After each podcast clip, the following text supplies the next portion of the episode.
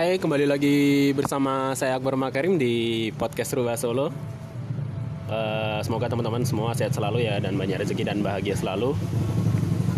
Oke, untuk kesempatan episode kali ini lumayan spesial. Sebetulnya ya spesial juga enggak. Kebetulan ini adalah episode featuring sih. Jadi menurut saya adalah eh, episode spesial karena baru pertama kali featuring eh, dengan teman saya. Oke, di sini ada teman saya, Faisal Hakim. Faisal. Halo Bar, gimana kabarnya? Baik Sal. Oke, jadi teman-teman eh, Faisal ini eh, teman SMA saya yang ngambil jurusan psikolog.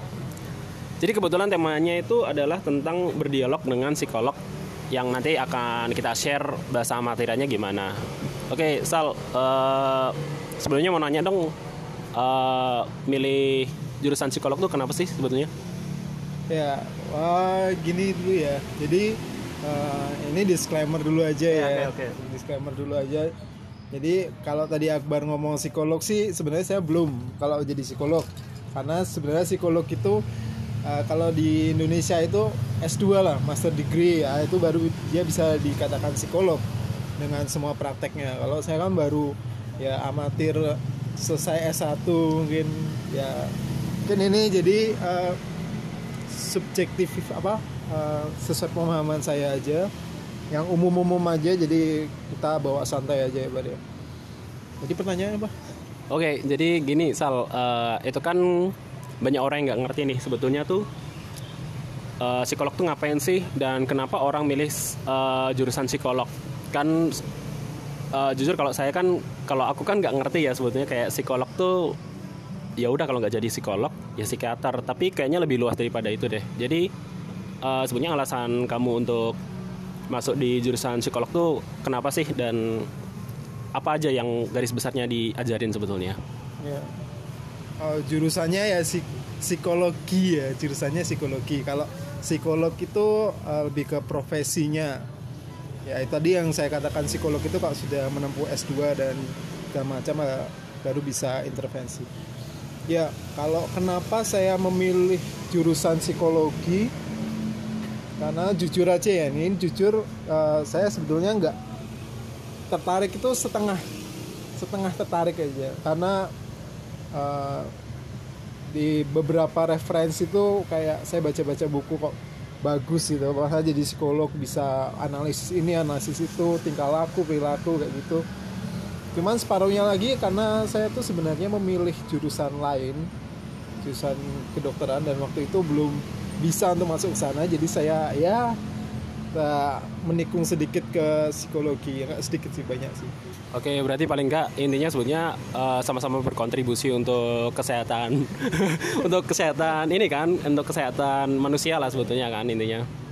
Eh, Oke, Sal berarti kamu milih jurusan psikologi itu pertama kan karena pelar, eh, karena nggak keterima tadi itu di kedokteran. Tapi kamu ngerti eh, maksudnya tuh untuk jadi psikolog itu nantinya ngapa-ngapain gitu loh. Paling nggak kan udah paham kan? Iya sih. Ya pastinya kalau yang bagi yang mau masuk jurusan psikologi di ah, baca-baca buku dulu, baca referensi atau bisa tanya-tanya temennya dari psikologi. Kayak gimana sih psikologi? Apa sih suka dukanya di sana dan nantinya mau ngapain seperti itu. Jadi rata-rata kalau orang ke jurusan psikologi itu kalau yang benar-benar uh, niat banget biasanya dia langsung S2 dan jadi psikolog kalau psikolog kan dia bisa praktek misalnya dan psikolog tuh banyak terbagi-bagi juga nah, tadi uh, tadi oke kalau yang S1 itu Ya, S1 garis besarnya eh, berarti dia mulai mempelajari apa sih kayak untuk S1 itu? Nah, kalau untuk S1 atau sarjana ya seperti saya biasanya orang-orang larinya ke PR perusahaan. Karena biasanya requirement-nya S1 oke jadi terus eh, jadi tester juga ada yang jadi tester. Lalu jadi pegawai atau jadi asisten psikolog seperti itu nah kalau psikolog sendiri dia terbagi beberapa jadi ada beberapa cabang ya. Kalau S2 itu jadi ada klinis dewasa klinis anak ada PIO juga ada pendidikan. Seperti itu. Itu garis besarnya. Nanti akan bercabang lagi. Jadi tiap eh, tiap-tiap ilmu dari psikolog itu cenderung besar di satu area seperti itu jadi eh, mereka bisa dikatakan ahli lah Oke, berarti eh, intinya adalah untuk eh, mendapatkan mendapatkan izin untuk praktek psikolog tuh harus S2 ya berarti ya minimalnya. Ya, kalau mau jadi psikolog memang eh, teman-teman pengen untuk bisa intervensi. Intervensi itu seperti melakukan treatment, terapi dan segala macam menggunakan alat-alat tes. Itu memang eh, harus jadi psikolog dan itu se- selain S2 juga ada izin dari HIMSI. HIMSI itu Himpunan Psikologi Indonesia. Itu ada izin dari HIMSI juga. Lalu eh, ada beberapa syarat juga mungkin untuk mendapatkan izin itu. Kalau udah ya seperti kayak dokter lah kalau mau praktek kan harus eh, izin-izin semuanya harus dipenuhi dulu baru eh, bisa mendirikan eh, praktek gitu. Oke, sel- selama kamu kuliah nih, itu pernah nggak sih kayak eh, magang dulu nih sama kayak psikolog yang senior gitu yang udah punya buka praktek sendiri gitu? Kalau sendiri itu pernah eh, ya istilahnya magang ya. Saya magang atau kerja part time ya. Kerja part time di lembaga psikologi kampus. Nah, Ya, itu ngapain tuh? Nah, kalau saya di sana saya masuk ke PIO industri organisasi jadi saya lebih cenderung untuk menjadi tester. Jadi Nah, tester apa tuh? tester uh, untuk membawakan alat-alat tes jadi kita tes calon karyawan baru itu uh, dengan menggunakan beberapa alat tes jadi bisa kelihatan kemampuan mereka itu seperti apa lalu cocok di mana gitu. Oh, berarti kayak apakah eh, karyawan ini yang calon karyawan ini eh, cukup qualify gitu ya? Ya, itu nanti kan ke hasilnya kita cuman tes aja. Terus yang interview juga eh, itu yang psikolog bio. Ya.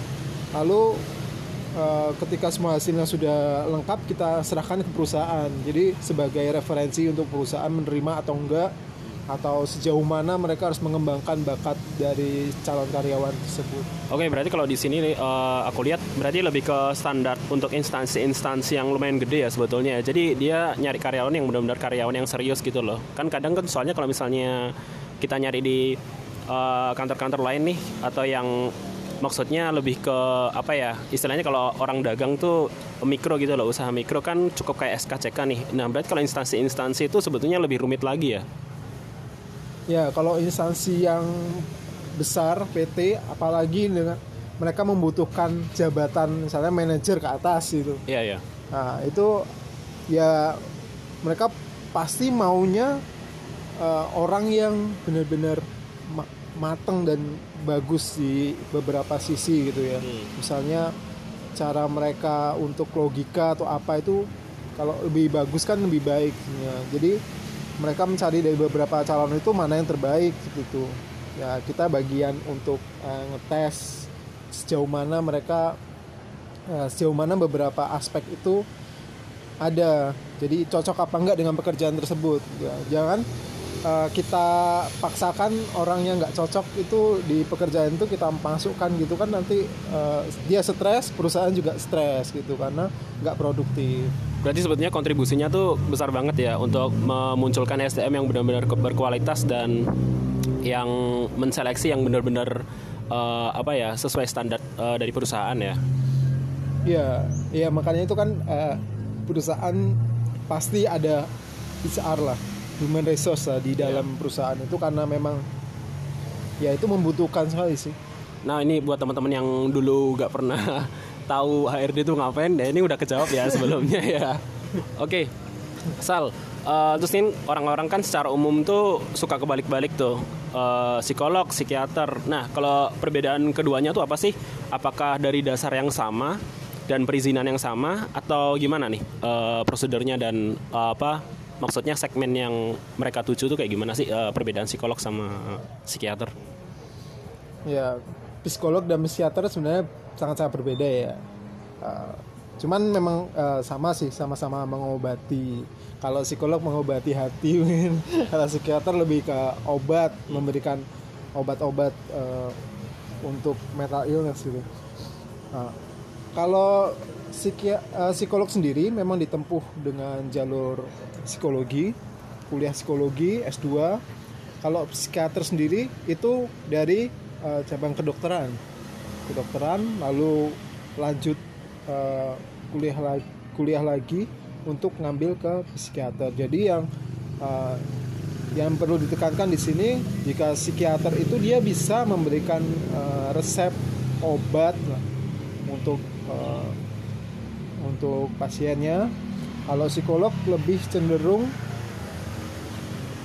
eh, melakukan terapi, intervensi dan mengubah misalnya menterapi atau mengubah tingkah lakunya seperti itu. Ya, istilahnya tidak menggunakan obat.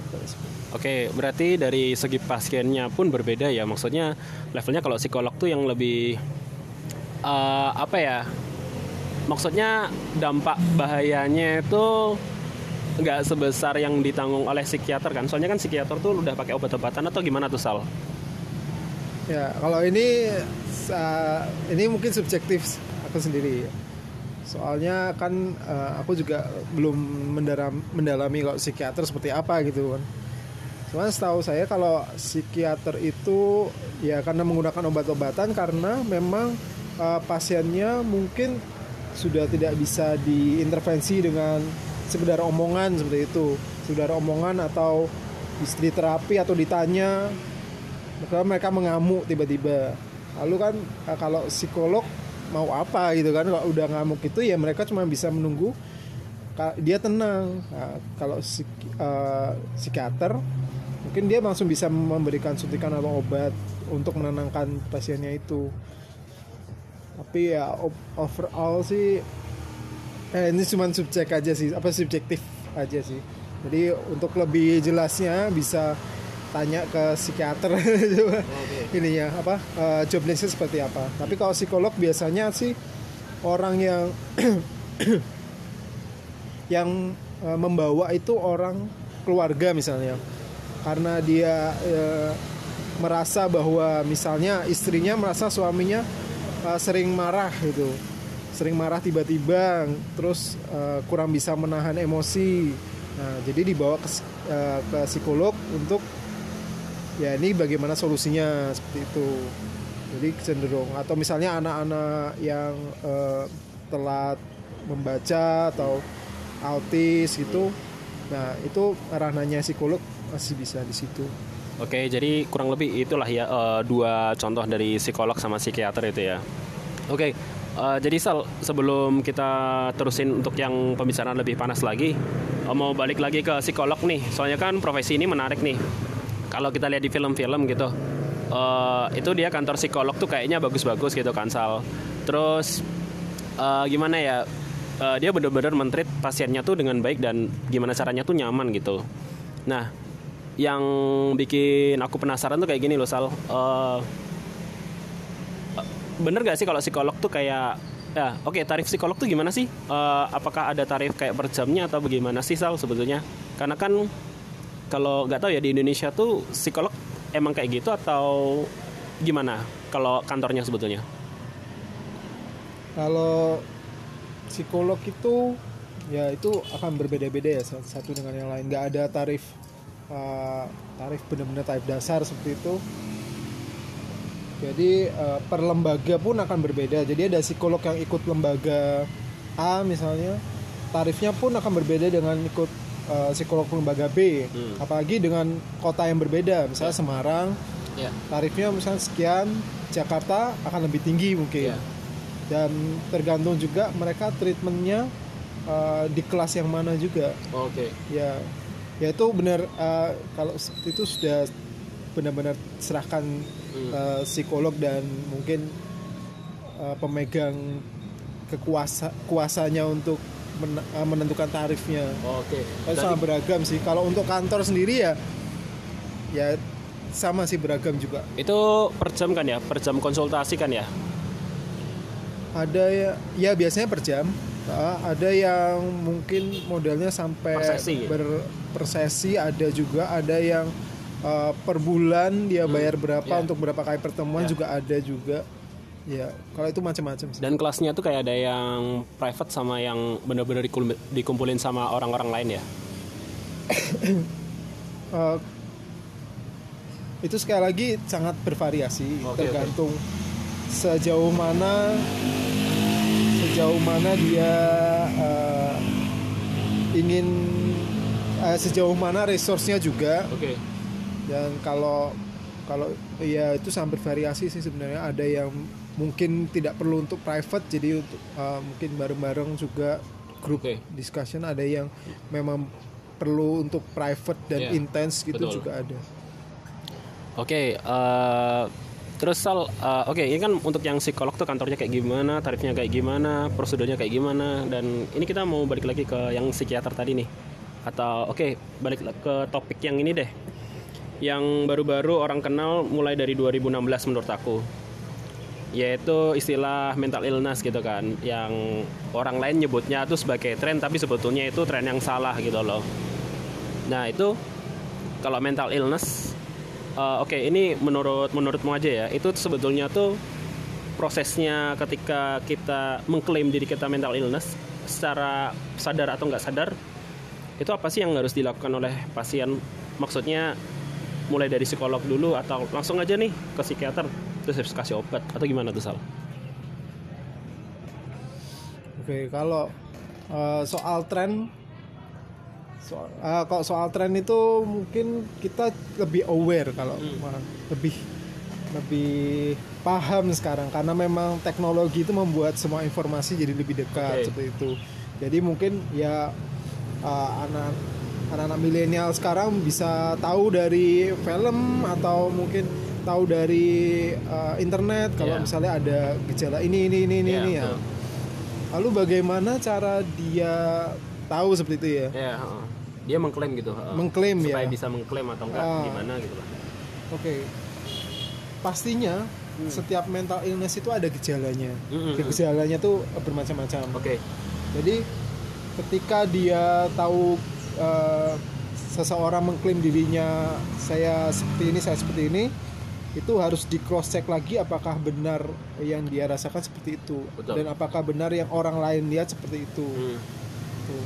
Dan untuk awalnya mungkin bisa eh, bisa langsung ke psikolog Hmm. atau bisa eh, bilang ke orang terdekat Oke. itu ada masalah apa kita ungkapkan Ya. Dan semisal orang it- ya semisal kita merasa memang itu mengganggu kehidupan kita sehari-hari Hmm.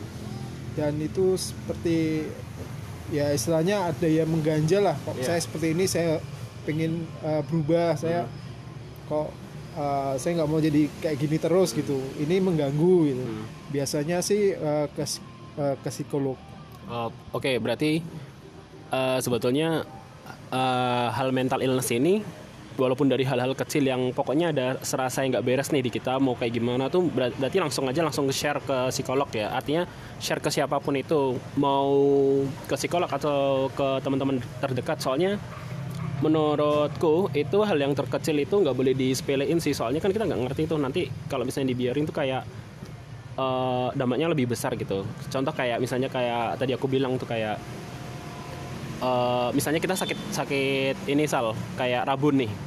Kan ketika kita diri kita ngerasa emang rabun jauh terus mungkin ada anggota keluarga yang nggak percaya atau mungkin eh, mengklaim kita tuh sebetulnya pengen pakai kacamata aja eh, ya sebetulnya kan nggak boleh gitu juga. Artinya kan harus bener-bener diperiksain nih bener apa enggak gitu loh. Karena kan takutnya kalau misalnya dikirain eh, sok-sokan pengen ka- pakai kacamata terus akhirnya dia nggak pakai kacamata terus rabun jauhnya malah parah gitu kan bahaya juga kan. Ya kurang lebih analoginya tuh kayak gitu gitu loh soalnya nggak sih?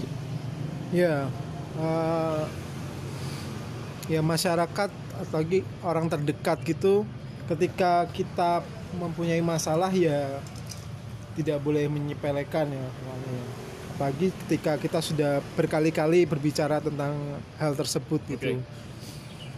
ya itu uh, itu kalau sudah seperti itu mungkin lebih baik itu di uh, diperiksakan Oke. benar tadi diperiksakan ya diperiksain ke mana dulu Ya kalau bisa kalau ada resource-nya langsung ke psikolog seperti Oke. itu, Eh, ke ahlinya lah istilahnya Iya. seperti itu, atau ke teman-teman yang bisa dipercaya atau orang yang bisa dipercaya Hmm. itu penting. Kalau eh, dilihat-lihat juga ya kalau mau cerita ini ini kalau eh, Oke. opiniku nih, Iya, iya, iya. dilihat-lihat juga kalau mau cerita ke orang, kalau semisal orang itu eh, selalu menyepelekan, mending ke orang lain lah Hmm. gitu. Soalnya mungkin kita bisa lihat patternnya kalau dia oh orangnya itu Oke. cuek seperti Oke, itu. oke, oke. Ya, kita coba ke orang yang lain itu seperti apa Hmm. responnya. Kalau ketika banyak orang menganggap itu hal yang sepele, ya kita tanya lagi apakah benar itu hal yang sepele atau Hmm. Memang mengganjal di kita. Kalau masih mengganjal ya lebih baik kita yang pergi sendiri ke Langsung eh, psikolognya. langsung psikolog atau ke ya ke orang yang lebih istilahnya lebih berpengetahuan Lebih ngerti, ya ya. lebih ngerti lah Dan itu kalau misalnya tadi cerita ke teman itu eh, ini ya teman-teman harus diperhatiin juga eh, teman yang kamu ceritain itu emang beneran peduli atau cuma penasaran. Soalnya tuh eh, beda tipis tuh, bener-bener kan. Oke, itu harus harus ngerti loh antara yang peduli sama yang penasaran karena kalau yang penasaran doang, oh ya udah lu mental illness terus ya udah gitu. Terus akhirnya ya udah akhirnya jadi kayak rahasia di antara mereka gitu loh. Tapi nggak nggak bisa ngasih solusi meski itu kecil banget atau enggak kepedulian dalam bentuk apa pun gitu. Ya nggak sih Sal?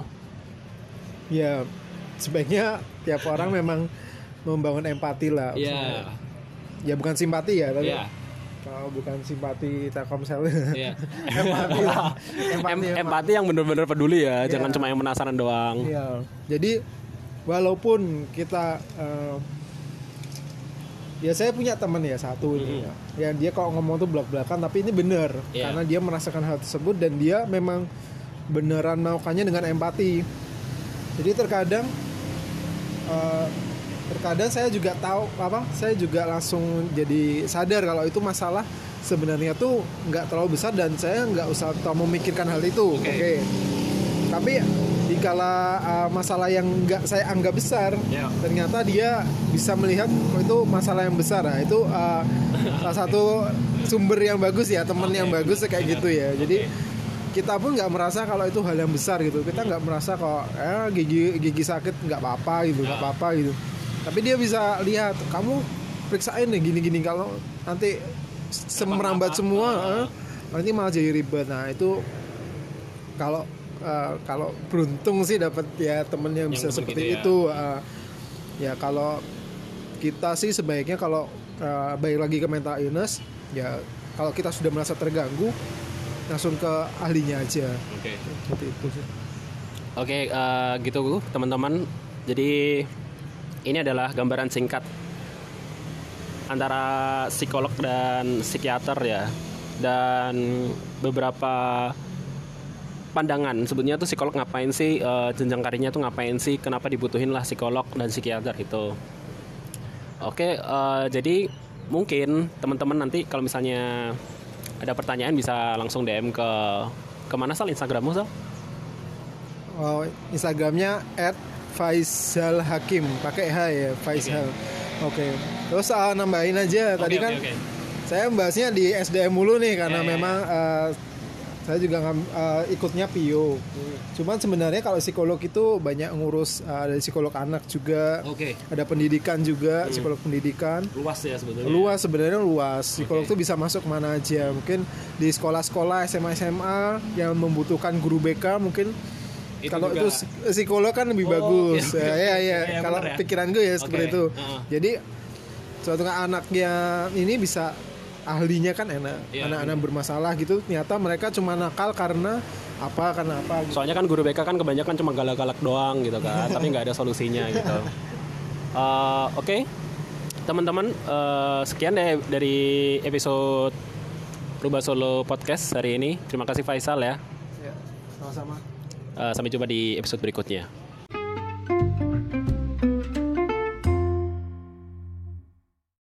Eh Sal, emang kalau orang putus cinta boleh ke psikolog gak sih? Ya boleh aja dong.